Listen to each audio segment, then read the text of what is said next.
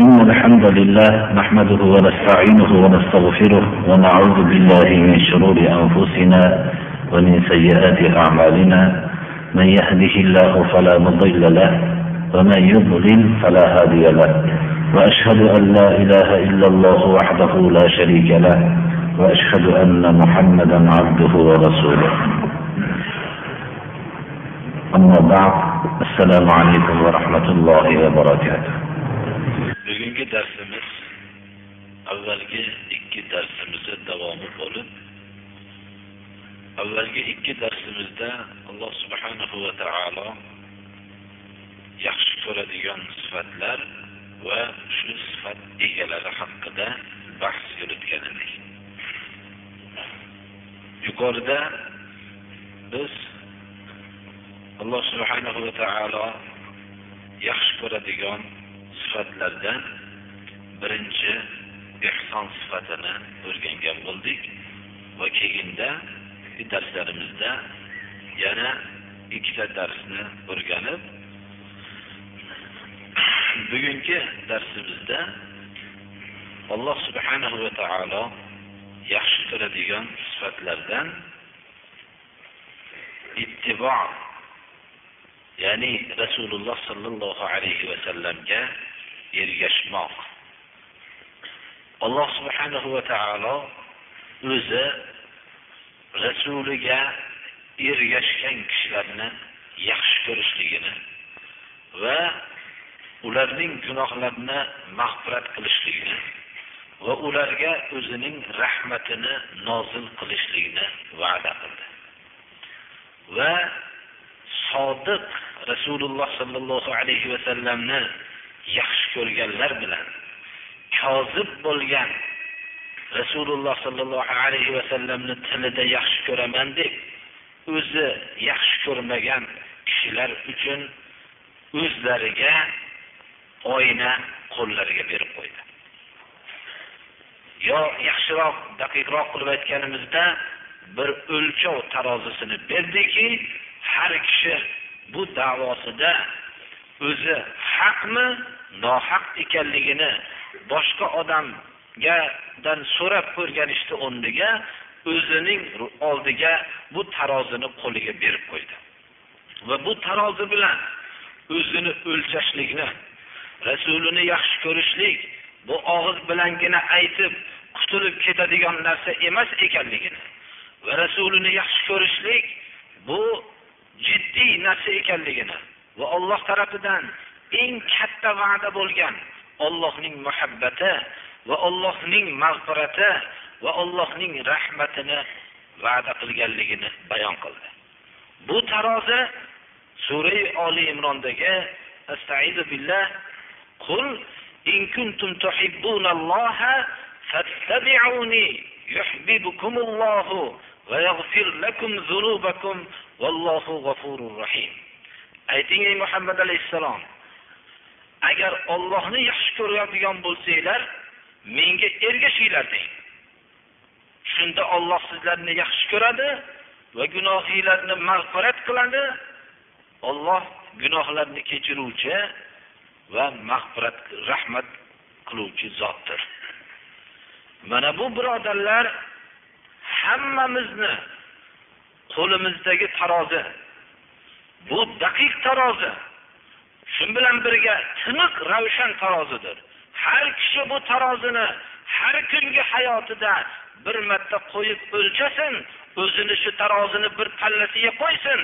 Ikki Allohning muhabbatini da'vo qilgan bo'lsa ikkinchi pallasidan Allohning yaxshi ko'rishligi va mag'firatini ko'rib olaversin bo'lmasa o'zini rasululloh sollallohu alayhi vasallamga ergashganligini topa olmasa tarozining bir pallasida. U tarozini ikkinchi pallasidan ollohning muhabbati va ollohning mag'firatini Allohning rahmatini umid qilmasin birodarlar. Shuning uchun bu ollohning muhabbati bu jiddiy masala ekanligini hammamiz bir mulohaza qilib qo'ymoqligimiz kerak. Bu sizlar uchungina emas. Yoinki bu yerda boshqa odamlar uchun emas. Bu avvalo o'zimiz va o'zgalar uchundir. Alloh subhanahu va taolo mana bu oyatni juda biz uchun katta bir bashorat va hamda juda bir og'ir mas'uliyatdir. Ikkinchi oyat لقد كان لكم في رسول الله أسوة حسنة لمن كان يرجو الله واليوم الآخر وذكر الله كثيرا sizlar uchun deb ashobi ikromlarga alloh taolo xitob qilyaptiki rasululloh sollallohu alayhi vasallamga ergashishlik bordir kimga ollohni umid qilgan va rasulini umid qilgan va ollohni ko'p yod qilgan kishilarga demak ollohning muhabbatiga erishmoqlik yo'li bu ittibo rasululloh sollallohu alayhi vasallamga ergashishlikdir. Lekin ergashishlik ollohni umid qilmasdan turib bo'lmaydi. Rajo umid shu yerda bir izohlab o'tamiz bizdagi turli g'arizalar qatorida umid g'arizasi bor. Umid g'arizasi g'arizani tushuntirishlik uchun bizda yemoq g'arizasi bor ichmoq g'arizasi bor va bizda jinsiy g'ariza bor bizda qo'rquv g'ariza bor bizda umid g'arizasi bor. Mana bu g'arizalar agar islom ko'rsatmasi asosida qondirilsa ya'ni halol to'g'ri yo'l bilan qondirilsa insondagi g'arizalar rohatlanadi. Agar islom ko'rsatmasi asosida qondirilmasa bu g'arizalar beqarorligi kuchayadi. Zohirda qonganga o'xshaydi avvalgi vaqtdayu lekin beqarorlik vujudga keladi undan kelib chiqqan zararlardan tashqari. Misol qilib olganimizda yemoq g'arizasini agar bir yeydigan taom bilan qondirmasak boshqa narsa bilan qonmaydi.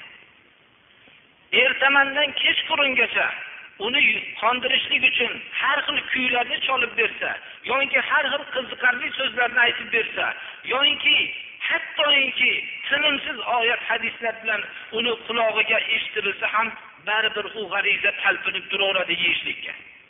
Bir narsa yemaguncha boshqa narsa bilan qolmaydi. Yo buni halol yo'l bilan islom ko'rsatmasi asosida qondiriladi yoinki agar halol bilan yo'l qondirilmasa u harom bilan bo'lsa ham qondirilishlikka majbur bo'ladi. Inson mana bu narsada harom yo'l bilan qondirilishlik bilan javobgar bo'ladi. Va hokazo boshqa g'arizalar ham shunga o'xshagan. Umid g'arizasi bizda alloh subhanahu va taolo bizga umid qilishlik g'arizasini berdi. Bu g'arizani bilan o'zidan umid qilishlikni bilan qondirdi. Agar biz ollohdan umid qilmaydigan bo'lsak qandaydir bir narsadan umid qilamizki u bizga foyda ham bermaydigan narsadan umid qila boshlaymiz. Mana hozirgi mutlaqo dinga unamagan dinni oshkor inkor qilgan ollohni vujudini inkor qilganlar bir narsadan umid qilmay yashayaptimi? Yo'q ular umid qilib yashayapti. Lekin foyda ham zarar ham berolmaydigan narsalardan umid qilib yashashyapti. Ular qo'rqmay yashayaptimi? Ular qo'rqib yashayapti. Hatto ko'lankalardan ham qo'rqib yashayapti. Ularga hech qanday zarar yetkazolmaydigan narsalardan qo'rqib yashayapti. Ammo mo'minlar o'zlarining qo'rquv g'arizalarini ollohdan qo'rqib qondirib yashashadilar. Bu qo'rquv ularning hayotini ijobiy foydali hayotga aylantiradi. Va hokazo boshqa g'arizalar ham birodarlar shunga o'xshagan. Ana biz alhamdulillah bu umid g'arizasimizni ollohdan umid qilib qondiramiz. Ergashish g'arizasi bor. Bu g'arizani alloh subhanahu va taolo rasuliga ergashishlik bilan qondirdi. Bu ergashishligimiz va oxiratda bizga manfaat beradi. Rasulini inkor qilganlar ollohni inkor qilganlar birovga ergashmasdan yashayaptimi? Ular ergashib yashayapti. Ular turli narsalarga ergashib yashayapti. Ular davrlar o'sishligi bilan shaxslarni o'zgartirib olgan odamlarga yashayapti. Ergashib yashayapti. Ularning ergashishliklari va oxiratda la'natga sazovor bo'lib qo'yyapti ana mo'minlarning baxt saodatli joyi shu yerdaki ularda yaratilingan g'arizani alloh subhanahu va taolo o'zi qondirish yo'lini ham ko'rsatib qo'ydi. Bu bizdagi ittibo g'arizasi ergashish g'arizasi. Hatto shu fursatdan foydalanib shuni ham aytaman qalbimizda yomon ko'rish adovat g'arizasini ham yaratdi. Bir narsani agar yomon ko'rmasak biz bu g'arizamiz qolmaydi. Bir narsani qandaydir yomon ko'rishimiz kerak. Alloh subhanahu va taolo unga shaytonni yomon ko'rishlikni buyurdi mana bu bilan biz qondiramiz. Ollohni dushmanlarini yomon ko'rishlik bilan qondiramiz. Agar bu g'arizamizni ollohning ko'rsatmasi asosida qondirmasak biz unda ollohni do'stini yomon ko'rib qo'yamiz. Shuning uchun har bir narsani muhabbat g'arizasini olloh bizga berdi. Bu muhabbat g'arizasi ollohga muhabbat qilamiz. Rasuliga muhabbat qilamiz. Rasululloh sollallohu alayhi vasallamni ahli baytlariga muhabbat qilamiz. Sahobalarga muhabbat qilamiz. Tobiinlarga muhabbat qilamiz. Ularga ergashgan kishilarga muhabbat qilamiz. Xullas ollohning do'stlariga muhabbat qilamiz. Agar bu g'arizamizni ollohning ko'rsatmasi shu asosda qondirmasak ollohni dushmanini muhabbat qilib yashaymiz. Mana hozirgi vaqtda aksar kishilar bu g'arizalarni to'g'ri qondirmaganlari uchun boshqa bir g'ariz yo'l bilan qondirib olganlar. Xuddi yana durustroq tushunishlik uchun aytamiz jinsiy g'arizani nikoh tariqasida shar'iy nikoh tariqasida qondirishlikka olloh ko'rsatma berdi. Bu g'ariza bilan qondirmaganlar u g'arizasini qondirmasdan yashayaptimi? Harom yo'llar bilan. Qandaydir bir nikoh bog'lanishlikni nikohni masxara qilib bir bog'lanish belgisidan boshqa yo'l bilan bog'lan nikoh qilishyaptimi? Ular bog'lanishlik nikoh yo'lini boshqa bir rasmiyatchilik yo'llariga o'tib baribir qondirishyaptilar. Shuning uchun biz musulmonlarning baxt saodatini kengligi shuki alloh subhanahu va taolo insonda yaratdi g'arizalarni. Bu g'arizalarni hech kim o'zgartira olmaydi. Uni olda olmaydi. Yo buni halol islom ko'rsatmasi asosida qondirsin yoyinki odamlar tarafidan bo'lgan ko'rsatma harom yo'llar bilan qondirsin. Shuning uchun biz alloh subhanahu va taolodan umid qilmoqligimiz kerak. Ollohdan har bir narsani biz aslida rizqni ollohdan umid qilamiz. Yaxshilikni ollohdan umid qilamiz. Farzandni ollohdan umid qilamiz. O'g'ilni ollohdan umid qilamiz. Qizni ollohdan umid qilamiz. Har bir narsani ollohdan umid qilamiz. Musulmonlar toshdan umid qilmaydi daraxtdan umid qilmaydi. Musulmonlar har bir sohada o'zining harakat yo'nalishlarida o'zlarining umid qilish g'arizasini ollohdan umid qilishlik bilan qondirishadi.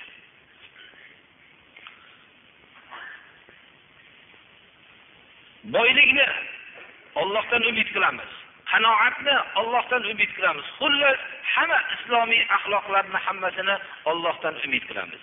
Bu narsa shartdir rasululloh sollallohu alayhi vasallamga ergashmoqchi bo'lgan kishiga. Qiyomat kunini umid qilgan odamga. Ya'ni qiyomat kunini biz umid qilamiz. Alloh subhanahu va taoloning rahmatini umid qilamiz. Qiyomat kunini azoblaridan ollohning saqlashligini umid qilamiz. Mana bu bizni umidimiz qiyomat kunini umid qilishlikdir. Mana bu joyda bir nuqtani aytib o'tmoqchimanki juda ko'pimiz ollohdan umidim katta deymiz. Va olloh qiyomat kunida umidim katta deymiz. Islom mana bu yerda bu oyatda qo'shib qo'yyapti. Ollohni ko'p yodiga olgan kishilarga. U quruqdan quruq umid qilishlik bilan biz qutulib qolmaymiz. Alloh subhanahu va taoloni ko'p yodga olgan kishilarga deyapti. Har bir harakatimizda muomalotimizda ollohni yodga olamiz. Birov bilan gaplashayotganimizda ollohni yodimizga olib gaplashamiz. Birovga gapirayotganimizda to'g'ri gapirishligimiz kerak deb ollohni yodimizga olamiz. Kizibdan man qilgan deb ollohni yodimizga olamiz. Bay muomalalarda harom baydan man qilgan deb ollohni yodimizga olamiz. Halol bayga buyurgan deb ollohni yodimizga olamiz. Ribodan man qilgan deb ollohni yodimizga olamiz. Farzandlarimizni tarbiya qilishlikda ollohni yodimizga olamiz. O'zimizni isloh qilishlikda ollohni yodimizga olamiz. Har bir demak ollohni ko'p yodga olgan kishilarga rasuliga ergashishlik zarurdir. Demak Allohni umid qilish, qiyomat kuni umid qilish va buning amaliy suratda Allohni ko'p yodga olgan kishilar uchun Rasululloh sallallohu alayhi va sallamga ergashmoqlik zarurdir. Demak, biz Rasuliga ergashishlikni da'vo qilishlikdan ilgari mana bu uch sifatni biz o'zimizga mujassam qilmoqligimiz kerak. Ana undan keyin Rasululloh sallallohu alayhi va sallamga biz ergashishlikni o'zimizga lozim ko'rmoqligimiz kerak.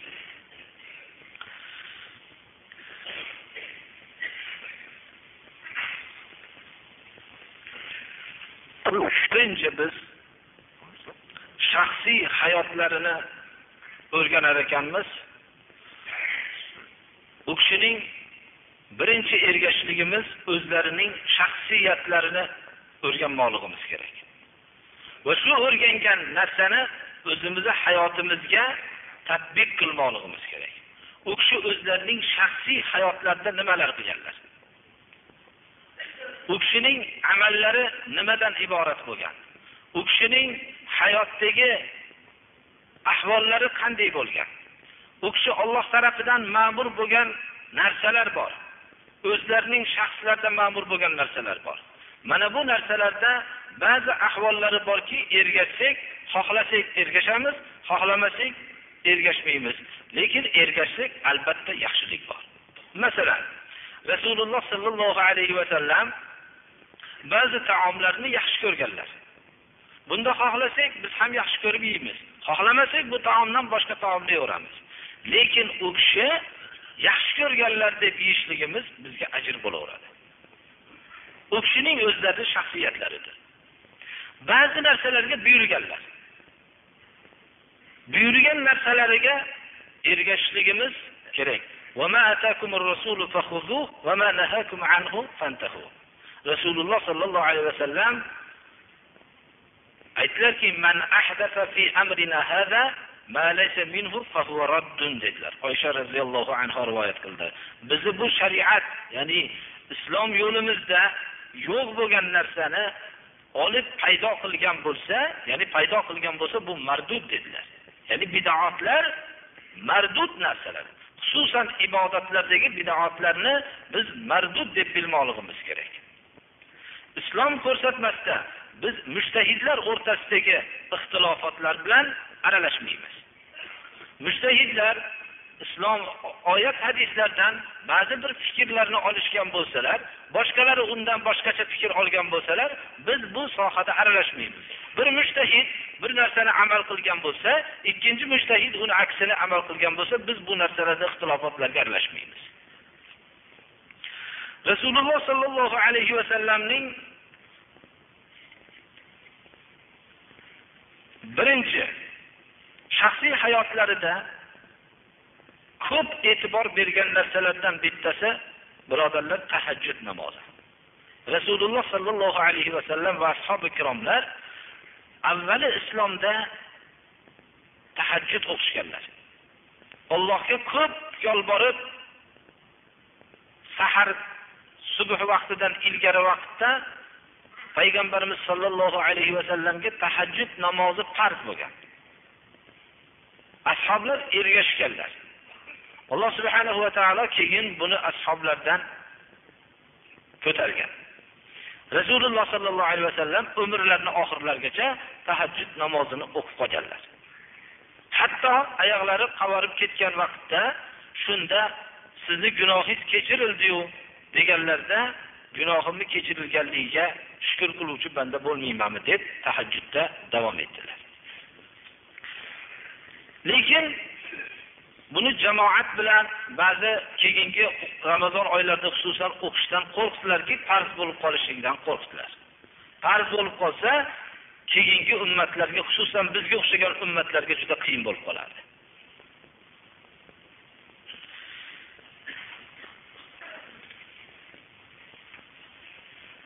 Payg'ambarimiz sollallohu alayhi va sallamning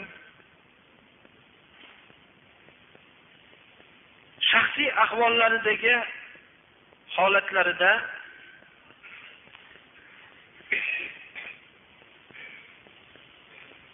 shu narsalarda ham eslab o'tmoqligimiz kerakki, payg'ambarimiz sollallohu alayhi vasallamning shamoillari ko'rinishlari qanaqa bo'lganligi haqida musulmon kishilar o'zlari bahs qilmoqlari kerak.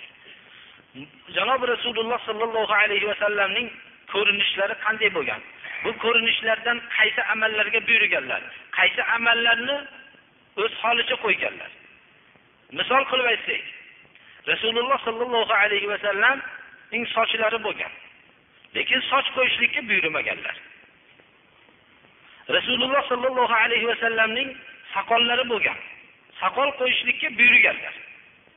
Rasululloh sollallohu alayhi vasallam mo'ylovlarni qisqartirishlikka buyurganlar. Mana bu narsa davrlarning o'tishligi bilan payg'ambarimiz sollallohu alayhi vasallamning shakllaridagi bu buyurgan buyruqlarini buyurmaganlari emas birodarlar. Masalan buyurgan buyruqlarini davrlar o'tishligi bilan bunday deb biror narsani u kishini eng komil holatda bo'lganligini tan olmoqligimiz kerak. Boshqa bir falsafalarning ta'sirida bu narsaga zid turishlik bu nihoyatda xatar manhajdir u. Bir kishining o'zini o'xshatmasligi bu xato bo'ladigan bo'lsa lekin o'xshatmaslikka targ'ib qilishlik bu xatardir birodarlar. Mana bu narsadan biz ehtiyot bo'lmoqligimiz kerak. Payg'ambarimiz sollallohu alayhi vasallamni biz iymonimiz shunday bo'lishi kerakki u kishining axloqlari hayo xulqlari kelinchaklardan ham hayolik deb ta'riflanadi. Hayo boshqalarning falsafasida odamning nuqsoniga dalolat qiladi deydi. Xususan dinsiz falsafada. Hayo islomda iymonning asosi hisoblanadi. Mo'min kishi ba'zi bir so'zlarni sen falonchi shunday qilding deb so'zni xatosini aytishlikdan yuziga qarab hayo qilmoqlik kerak. Sallallohu alayhi vasallamning odat sharifalari biror bir xatoni bir kishida ko'rsalar odamlarga nima oldiki inson davr taraqqiy topdi endi odamlar hayosiz bo'lishi kerak degan narsa bu juda xatardir birodarlar. Bizni davrimizda birov aytmasa kerak chunki hayosizlikning zararini har bir inson ko'rmoqda hozirda. Shu yerda payg'ambarimiz sollallohu alayhi vasallamga ergashishlikda asosiy ergashiladigan sifatlarni biz asosiylarni bilmoqligimiz kerak. Bu sifatlarni tavhid ulamolari ko'proq to'rttaga bo'lishadilar. Birinchisi sidiq sadoqat. Ya'ni sadoqatdan maqsad shuki payg'ambarlar abadiy yolg'on so'z aytmagan. Payg'ambarlar yolg'on so'z so'zlashlikdan pok bo'lishgan. Chunki risolatning asosi o'zi sadoqat asosiga qurilgan.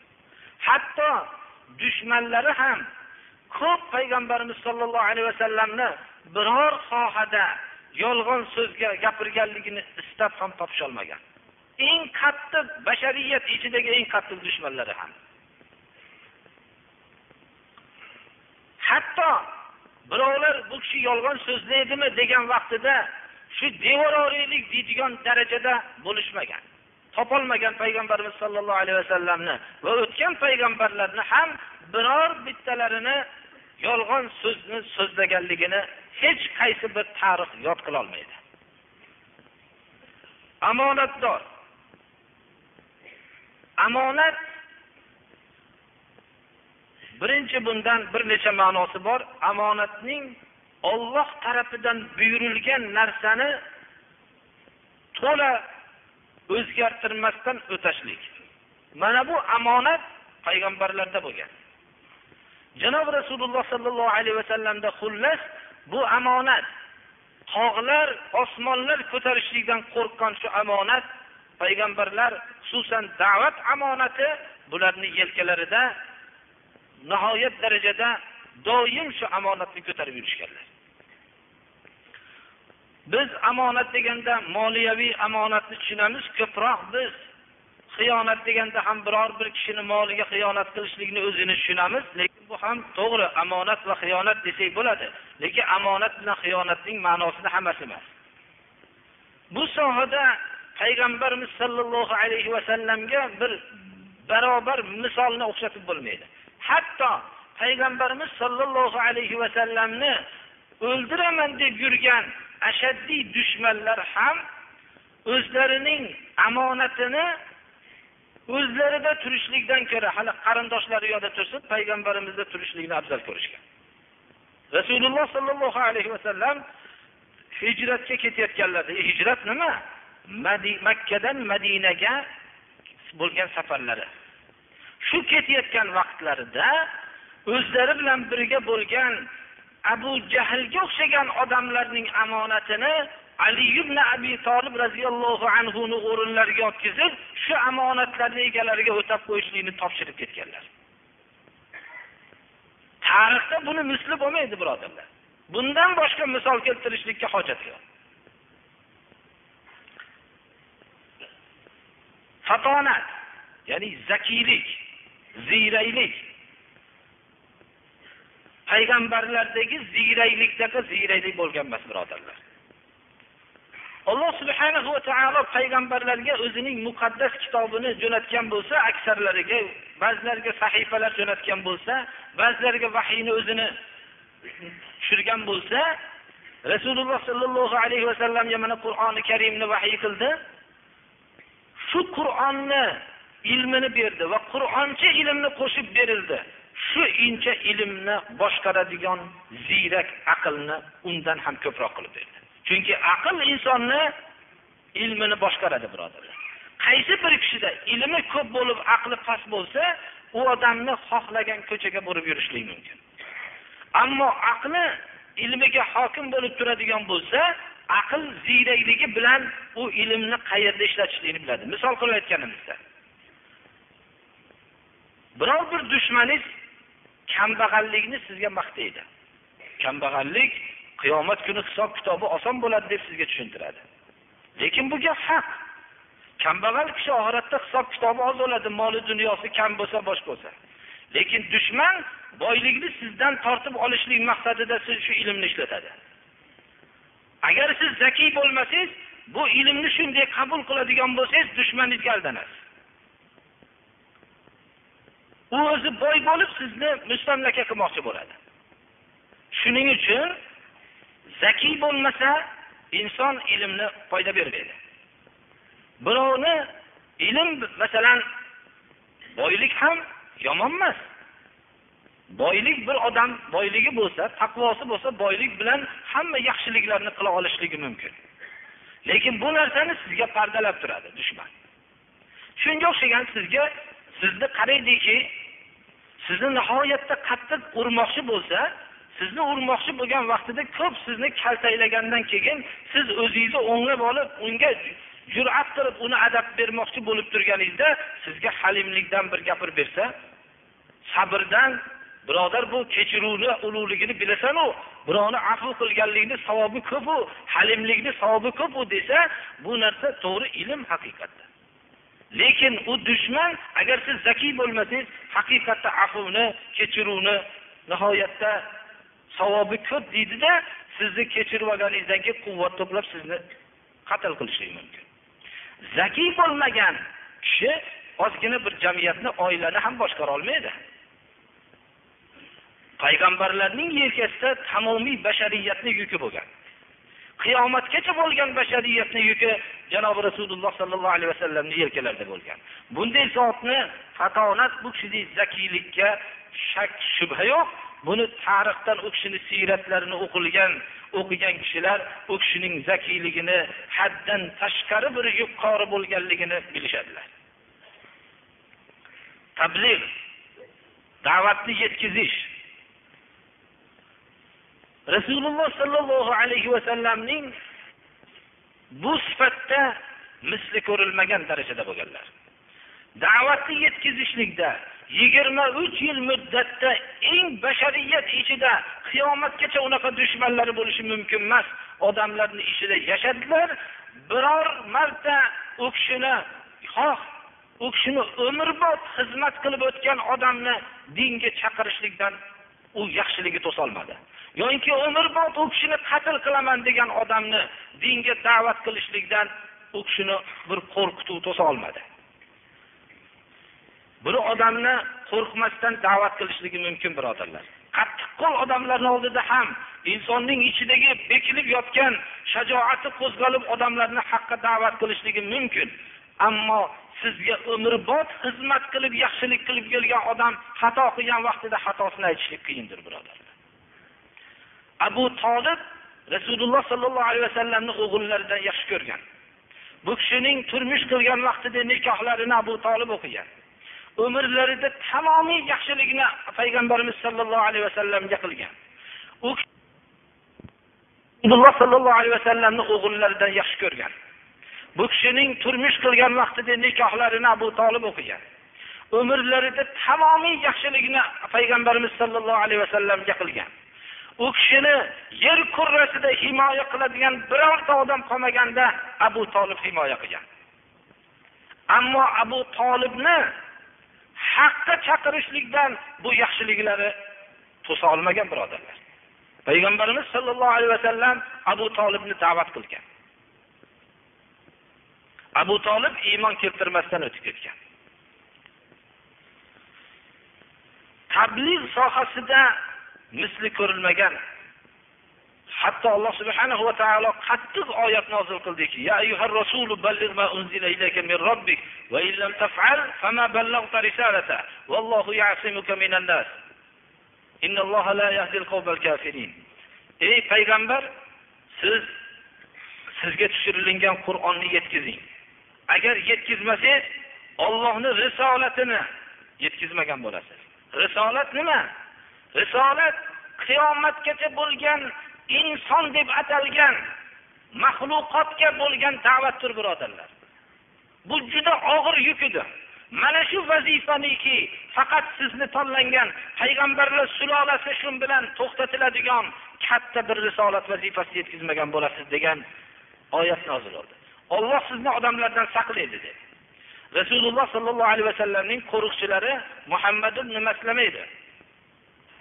Shu tushishligi bilan muhammad ibn maslamaga javob berdilar. Meni hech kim qo'riqlamasin dedilar. Olloh meni o'zini himoyasiga oldi dedilar. Yigirma uch yil eng ashaddiy dushmanlar o'rtasida. Kim muhammadni o'ldirsa u yuzta tuya deb mukofot deb atalgan butun haris odamlar faqat bitta narsaga haris edi dushmanlar. Muhammad alayhissalomni kallalarni olib dushmanlarni oldiga olib kelib yuzta olishga ish qilib shunday bo'lgan jamiyatni ichida yigirma uch yil olloh saqladi u biror marta tabliğ yetkazishlikni to'xtagan to'xtatganlari yo'q. Mana bu to'rtta sifatda biz ergashishligini bilib olishimiz kerak. Birinchi sadoqat. Muomalotda hammasida biz sidiqni o'zimizga lozim ko'rishimiz kerak. Omonat. Mana aytib o'tdik olloh tarafidan buyurilgan omonatni o'zimiz to'la o'zimizga tadbiq qilishlik. Fatonat ziyrak bo'lmoqligimiz kerak. Farzandlarni uyda xonadonda tarbiya qilishda birodarlar bilan gaplashishlikda dushmanlarning makri bilan oldida turganda fatonat ziyrak bo'lishlikda rasululloh sollallohu alayhi vasallamga ergashmoqligimiz kerak. Va tabliğ yetkazishlikda ollohni buyruqlarini e'lon qilib aytishlikda rasululloh sollallohu alayhi vasallamga ergashmoqligimiz kerak. Tavhid ulamolari payg'ambarimiz sollallohu alayhi vasallamdagi asosiy sifatlarni to'rovi deb aytishadilar. Ba'zi birimiz borki nihoyatda sodiqmiz lekin omonatdor emasmiz ba'zi bir kishilarni omonatdorligini havas qilasiz lekin hech qanday ularda zakiylik yo'q. Dushmanlar ham xohlagan ko'chasiga yetalab yuraveradi. Ba'zi bir kishilar nihoyatda zakiy ulardagi aql na havas qilasiz. Xususan dunyo topishlikka nihoyatda aqlli. Ammo ollohni buyruqlarini o'zining farzandiga ham yetkazmaydi birodarlar. Tabliğ sifati mutlaqo yo'q. Ollohni hukmini aytishlikda biror bir kimsaga aytmaydi. Bu sohada sen menga tegma men senga tegma deb qo'ya qoladi. Ularni omonatdorligini ko'rib havasingiz keladi. Ba'zi odamlar ollohni yo'lida da'vat qilib yetkazadi birovlarni tarbiya qilib o'qitaylik va hokazo deb targ'ib qilib shunday deydiyu hech omonatdorlik sifati yo'q. Qaysi xiyonatni istasangiz shu odamdan topishlik mumkin. Mana bu shuning uchun yo sodiqlik yo'q. Muomalada sodiq hamma ishimiz makr bo'lib qolgan. Makr hiyla bilan to'lib ketgan. Bizni shu muhit ham biz majbur qilgan ko'p makr hiylalarga. Alloh subhanahu va taoloning rasuliga ergashmoqchi bo'lsak mana shu to'rtta sifat hammamizni yodimizda bo'lsin birodarlar. Shu to'rtta sifatni o'zimizga agar joriy qilmoqchi bo'lsak shu sifatlar bilan biz boshqa bizdagi razil axloqlar yo'qoladi.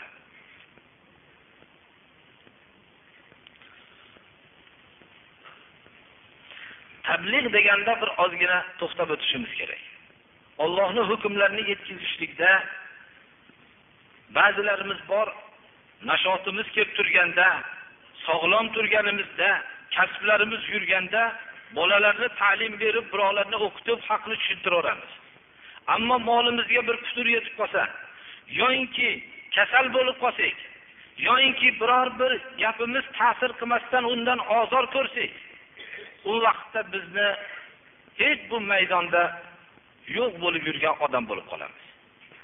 Payg'ambarlar hammalariga alloh subhanahu va taoloni yo'lida boshlariga yetgan musibatga sustlik qilishmadilar. Ular zaiflik qilishmadilar. Ular ruhsizlanib qolishmadilar. Alloh subhanahu va taolo sobirlarni yaxshi ko'rishligini mana shu yo'lda da'vat yo'lida sabr qiluvchilarni yaxshi ko'rishligini bayon qildi mana.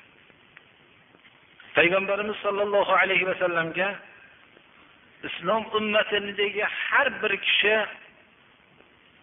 u kishining nusxasi bo'lishlikka shakli bo'lishlikka harakat qilmoqligi kerak. Birinchi bayonda va ollohni yo'lidagi jihodda hikmatlik bo'lishlikda va tajribali bo'lishlikda ibodatda dunyoni do'st tutmaslikda jur'atda va sabotda karamlik bo'lishlikda xususan birovlarga marhamatli bo'lishlikda muloyim bo'lishlikda hushyor bo'lishlikda ilmda amalda va hatto o'zining holatida payg'ambarimiz sollallohu alayhi vasallam buyurgan buyruqlarni bo'lgan holatida shu narsalarda hammasida payg'ambarimiz sollallohu alayhi vasallamning shamoillari qanaqa bo'lgan surishtirib shu shamoilga o'zini solishlikka harakat qilmoqligi kerak. Shundagina alloh subhanahu va taolo bu kishining harakatiga agarchi bir kichkina harakat bo'lsa ham unga najot beradi nusrat beradi. agar shu yo'lda vafot qilib ketsa katta ajr bilan o'tadi. Olloh yaxshi ko'rgan sifatlardan beshinchisi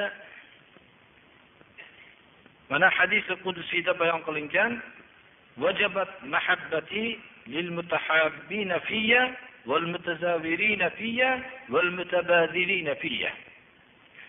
Meni muhabbatim deydi alloh taolo. Lozimdir meni yo'limda muhabbatlashganlarga va meni yo'limda ziyoratlashganlarga va meni yo'limda bir birlariga marhamat qilisha olganlarga deyapti. Hatto meni yo'limda deb yo'l kalimasi ham yo'q birodarlar. Men uchun yaxshi ko'rganlarga deyapti alloh taolo. Bir birlarini olloh uchun yaxshi ko'rganlar. olloh uchun bordi keldi qilganlar olloh uchun bir birlariga muruvvat qilganlarga mening muhabbatim vojib degan ekanlar payg'ambarimiz sollallohu alayhi vasallamdan hadisi muborak bir rivoyat qilinganki إن من عباد الله ناسا ما هم بأنبياء ولا شهداء يغبطهم الأنبياء والشهداء يوم القيامة بمكانهم من الله. قالوا يا رسول الله تخبرنا من هم؟ قال هم قوم تحابوا بروح الله على غير أرحام بينهم ولا أموال يتعاطونها فوالله إن وجوههم لنور وإنهم لعلى نور لا يخافون إذا خاف الناس ولا يحزنون إذا حزن الناس. وقرأ استعيذ بالله ألا إن أولياء الله لا خوف عليهم ولا هم يحزنون Allohning shunday bandalari borki, ular payg'ambar emas, shahid emas. Ularni ammo payg'ambarlar ham, shahidlar ham orzu qiladi. Alloh subhanahu va taolo tarafidan bularga berilgan manzilni, martabani ko'rib. Shunda ashoblar so'rashdilarki, bularning kim ekanligi bilan bizlarni xabardor qilasizmi? Deganlarida ular Allohni muhabbati bilan muhabbatlashganlar. O'rtalarida qarindosh emas, yo oldi berdilari yo'q. Shu sabab bilan bog'lanib qolgan emas, qarindoshlik bilan bog'lanib qolgan emas, oldi berdi bilan bog'lanib qolgan emas. Ularni yuzlari Allohga qasam ichib aytamanki, dedilar Rasululloh sallallohu alayhi vasallam, yuzlari ham nur bo'lib turadi. Va ular nurni ustida. Odamlar qo'rqqanda bular qo'rqishmaydi. Odamlar g'amgin bo'lganda bular g'amgin turishmaydi dedi. Va shu oyatni o'qib qo'ydilar. Allohning do'stlari ularga qo'rquv ham yo'q, ular g'amgin ham emas degan oyatni o'qidilar. Salasun man iman. Uch narsa borki, kimda shu uch narsa bo'lsa, iymonni mazasini tatiydi. Biz dunyoda ko'p narsalarning mazasini bilamiz. Shirin narsalarning mazasini bilamiz. Achchiq narsalarning mazasini bilamiz. iymonni mazasi bor. Bu maza faqat uchta kishigina biladi. uchta sifati bor kishigina biladi. Bittasi Alloh Rasuli unga boshqa hamma narsadan suyumli bo'lsa. Birovni faqat Alloh uchun yaxshi ko'rsa va kufrga qaytishlikni, o'tga uloqtirishlikni qancha yomon ko'rsa, o'tga uloqtirilishlikni qanchalik yomon ko'rsa, xohlamasa, islomdan chiqib ketishlikni xayoliga kelganda xuddi shunaqa qo'rqib ketsa. Mana shu odam iymonning mazasini tatiydi dedilar. Abu Zar al-G'iforidan rivoyat qiladiki, Ya Rasululloh, الله الرجل يحب qawma va la yastati'u an ya'mala bi'amalihim. Aytlarki, Abu Zar al-G'iforiy payg'ambarimiz sollallohu alayhi vasallamni yaxshi ko'rardilar. U kishini nihoyatda yaxshi ko'radilar Abu Zar al-G'iforiydagi bir yaxshi ko'rgan sahobalar kam bo'lgan birodarlar. Hattoki Halilim deb xitob qilardilar. Abu Zar al-G'iforiyga xos vasiyatlarni qildilar, shunga amal qilib o'tib ketdilar. Bir viloyatni so'radilar. Biror bir viloyatga vali qilib tayin qilib qo'ying deganlarda aytdilarki, "Ya abuzar men sizni yaxshi ko'raman. Biror ikkita odamga amir bo'lmang dedilar. Sizni yaxshi ko'raman dedilar. Yaxshi ko'rganliklari sababli biror mas'uliyatni yelkangizga olmang dedilar. Ba'zi vaqtda bir viloyatga valini men so'raganlarda ba'zi rivoyatlarda keltiriladiki, siz zaifsiz. Bu omonatdir.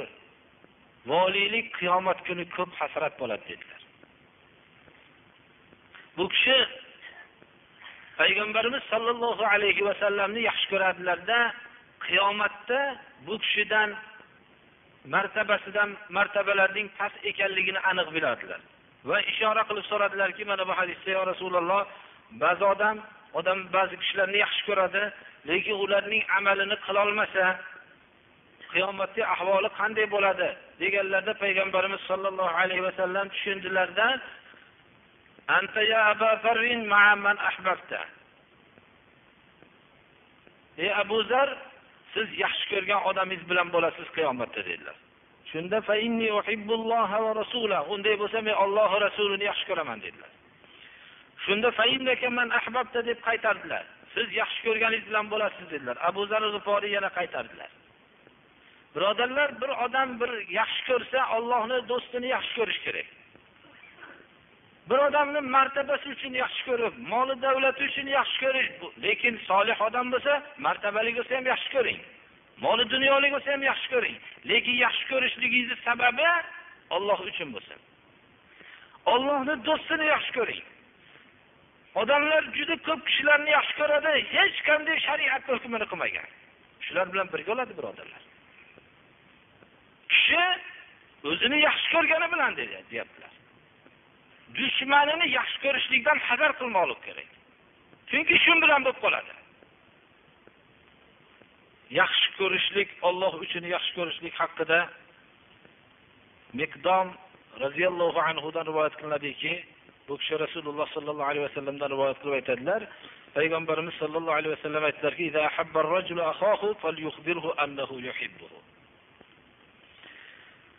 bir kishi bir birodarni yaxshi ko'rsa men sizni olloh uchun yaxshi ko'raman deb xabardor qilib qo'ysa unga beparvo bo'lib qolishligi mumkin. Qalbni ishini birov bilmaydi. Unga beparvo bo'lishligi natijasida masalan men bir odamni olloh uchun yaxshi ko'rsam uni xabardor qilmasam men bir tobim yo'q bo'lib kasal bo'lib yotsam boshqa odam meni ko'rgani kelmasa xafa bo'lmasligim mumkin. Lekin uni men yaxshi ko'rganligimdan xafa bo'lishligim mumkin birodarlar. Shuning uchun xabardor qilib qo'yishim kerakki men sizni olloh uchun yaxshi ko'raman deb.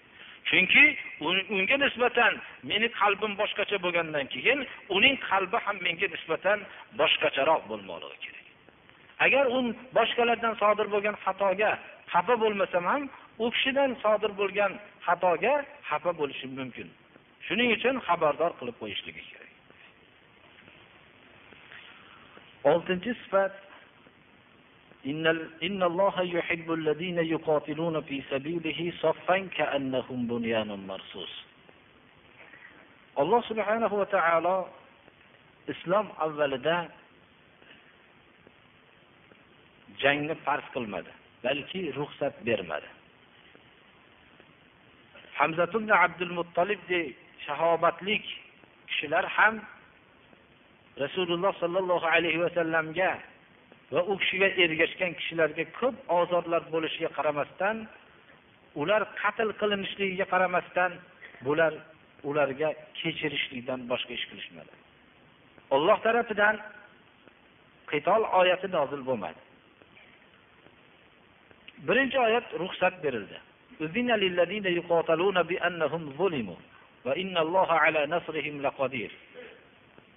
Keyin alloh subhanahu va taolo ruxsat berdi va keyin farz qildi.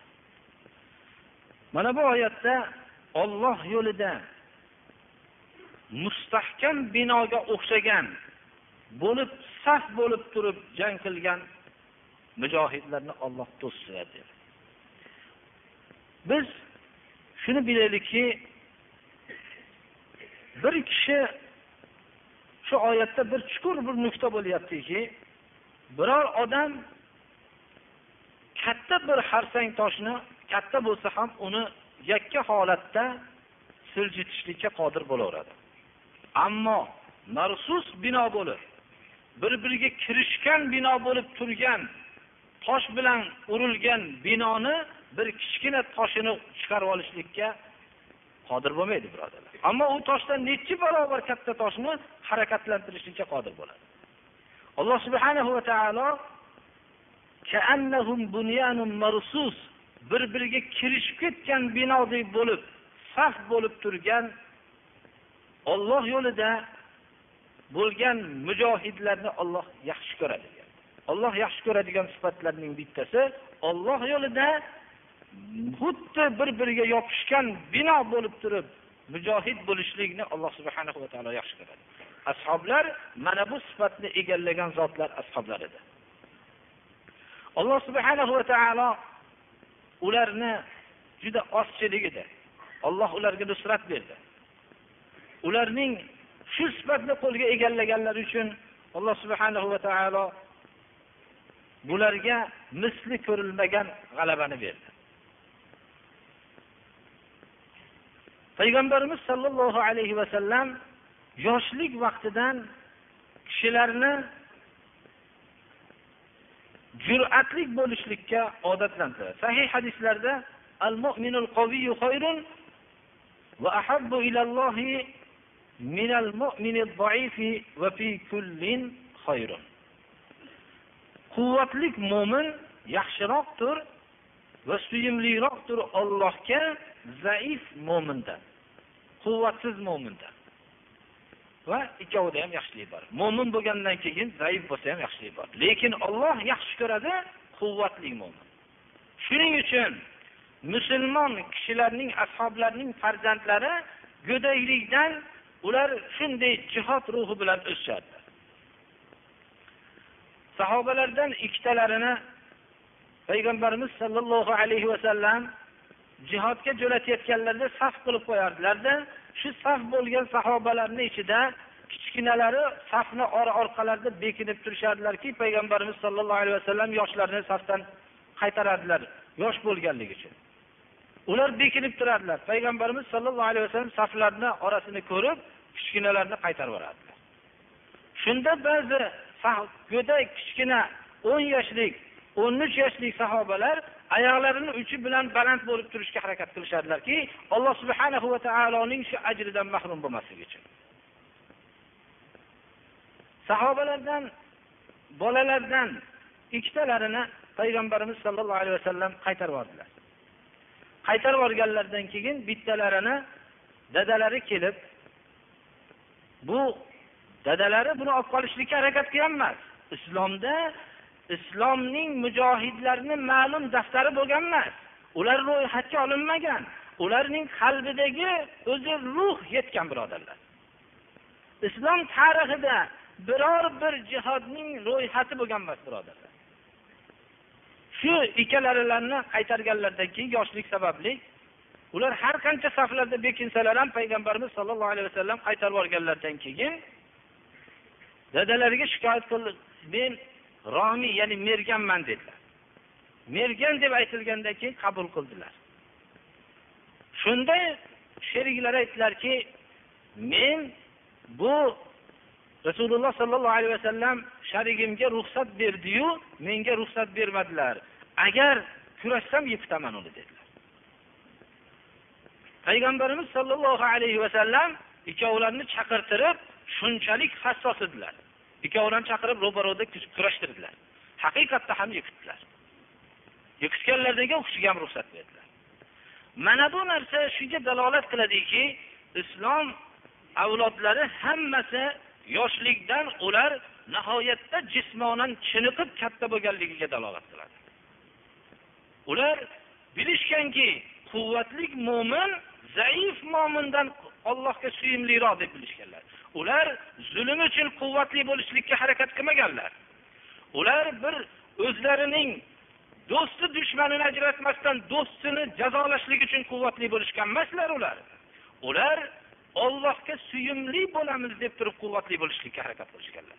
Olloh bizni yaxshi ko'radi jismonan quvvatli bo'lishligimizni deb yaxshi shunga harakat qilishgan bizda mo'minlar zaif bir tomondan mabodo quvvatli bo'lsa ham o'zining mo'min birodariga quvvatligini ko'rsatadi ana bu narsani biz bilishimiz kerak biz ollohga suyumli bo'lishlik uchun quvvatli bo'lishga harakat qilmoqligimiz kerak rasululloh sollallohu alayhi vasallam علموا أولادكم السباحة والرماية وركوب الخيل ومروهم أن يثبتوا على الخيل غصبا avlodinglarni suzishni o'rgatinglar dedilar Rimoyat buni qo'yib beringlar o'rgansa o'rganar deganlari yo'q o'rgatinglar dedilar. Buyurdilar. Rimoyat merganlikni o'rgatinglar dedilar. Otlarga minishlikni o'rgatinglar dedilar. Ularni otda mustahkam turishlikka o'rgatinglar dedilar. Rasululloh sollallohu alayhi vasallam bolalarni shunday qilib chiniqtirardilar. Agar masalan ota ona nima uchun ota onani buyurdilar? Bu yerda bir sir ham bo'lishi mumkin. Ota ona farzandga mehribon. U biror bir chuqur joyda suzayotgan cho'milishiga yo'l qo'ymaydi. Chunki u cho'kib ketib qoladi deydi. Daraxtga chiqishligiga yo'l qo'ymaydi. Yiqilib tushadi deydi. Agar siz bolalarni shu hayotiga tekshirsangiz u suzishga o'g'il bolalar qiziqadi. Yoki daraxtga chiqishlikka boshqa narsada siz daraxtga chiqsang yiqilasan desangiz suzsang cho'kib ketasan desangiz birovni qattiq ishni qilsa unga qoqilib ketasan desangiz uyda shunda o'tiraversa katta bo'lgandan keyin ham ko'chada birov ketayotgan bo'lsa to'xta desa to'xtaydi. Cho'ntagidan chiqar desa chiqaradi. Shunday bo'ladi. Shu rasululloh sollallohu alayhi vasallam mana bu ta'limlari buni o'rgatinglar degan ma'no buni suvga tashlab xohlasang suzishni o'rgan degani emas albatta ta'lim degan narsa o'ziga xos bir xususiyatga ega bu. Ta'lim o'zini bir shart sharoitlari bor. Hatto mana bu boshqa hadislar bor shu narsani payg'ambarimiz sollallohu alayhi vasallam qur'on ta'limi va kitobat yozishlikni min haqqil valad alal valid an yuallimahu rimayata va sibahata val kitabata val qiroa deb qator keltirganlar. Suzish va merganlik va qur'on o'qish va xat yozishlikni o'rgatishlik otani ustidagi farzandning haqqi deganlar. Alloh subhanahu va taolo bu bizni mana shunday islom avlodini shu shunday tarbiya topganligi mana bu ruh olloh subhanahu va taologa suyumli bo'lishlik uchun. Olloh yaxshi ko'radi degan sifat payg'ambarimiz sollallohu alayhi vasallamning davrida salamatubnul aqva degan sahoba bor edilar nihoyat darajada yug'roq kishi edilar. Hozirgi jahondagi eng yug'roq kishilarga taqqoslansa u kishilardan ilgariroqligini tarixdan o'qib bilgan kishilar biladi. Salamatubnul aqva shunday tovushlari baland kishi ediki agar tovush qilsalar madina bu chekkasiga ovozlarini eshitira olardilar. Zakot tuyalariga hujum qilgan mushriklar kelgan vaqtda shu voqeani bilib tovush qildilar. Tovush qilganlarda payg'ambarimiz sollallohu alayhi vasallam jur'atli edilar bir kishini otini so'rab keldilar. Kelganlarida salomatul akvani yugurib kelayotganlarini bildilarda nima voqea? deganlarida zakot tuyalariga dushmanlar hujum qilib olib ketdi dedilar. Shunda payg'ambarimiz sollallohu alayhi vasallam aytgan ekanlarki siz borib turing biz orqangizdan otda yetib boramiz degan ekanlar. Ya'ni bu degan so'z nihoyatda bir addo yug'roq bo'lgan kishilarniga ishora bo'lgan. Va undan tashqari bu kishi bergan ekanlar. Bir kishi nechi kishini ovora qilib turganlar. Agar u dushmanlar ko'radiki bir kishi shuni hozirlar qatl qilib o'ldirib qo'yaylik deb dushmanlar burilib hujum qilishsa bir yugurar ekanlar u ular ortda bo'lsa bu kishiga yetolmay yana qolar. Shunday qilib ularni mashg'ul qilib turganlar. Mana salomatul akva ashoblarni ichida shunday xususiyatga ega bo'lgan juda ko'p kishilar bo'lganlar. Payg'ambarimiz sollallohu alayhi vasallam o'zlari bunda namuna bo'lganlar. Uhud jangida yer handaq kavlanayotgan vaqtda bir tosh chiqib hech qaysilari ko'tarolmagan vaqtlarda o'zlari shu toshni ko'tarib olib berganlar. O'zlarida ham shunday ollohning mo'jizaviy bir quvvatlari bo'lgan agarchi o'zlari o'tkarma ro'za tutib yurgan bo'lsalar ham. O'tkarma ro'za bir saharlik bilan ikki kun uch kun iftor qilmasdan tutishlikni aytiladi birodarlar musulmon millati har xil fikrlar bilan o'zini mafkurasidan chalg'ib qoldi birodarlar vaholanki alloh subhanahu va taologa quvvatli mo'min zaif mo'mindan eng afzalidir va rasululloh sollallohu alayhi vasallam eng katta ulug' shahidni aytdilarki رجل قام إلى سلطان جائر فأمره بالمعروف ونهاه عن المنكر فهو بين حمزة وعلي وجعفر eng ummatimni shahidlarning afzali zolim sultonga turib haqni gapirgan yomon narsadan qaytargan shunda uni qatl qilib tashlagan. Qatl qilgandan keyin bu ummatimni shu shu ummatim hamza ali jafar ulug' shahidlarning orasida bo'ladi dedilar.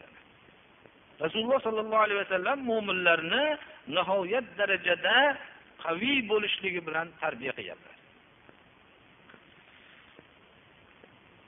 sifat va sakkiz to'qqizinchi sifatlar inshaalloh kelgusi darsimizda o'rganamiz. Bu sifat ham uzoqroq to'xtalib o'tganligi uchun. Muttaqinlarni taqvo sifatiga ega bo'lganlarni olloh yaxshi ko'radi. Taqvo sifatiga ancha to'xtalib o'tishligimiz uchun darsimizni inshaalloh yana darsda biz shu olloh yaxshi ko'radigan sifatlardan hozir biz oltita sifatni o'rgandik. Biz inshaalloh to'qqizta sifat bilan tugatamiz. Va boshqa qisqacha o'ninchi sifatni ham aytamiz. Inshaalloh hozirgi darsimiz shu yuhibbul muttaqin Allohdan qo'rquvchi kishilarni taqvo sifatiga ega bo'lgan kishilarni Alloh yaxshi ko'radi.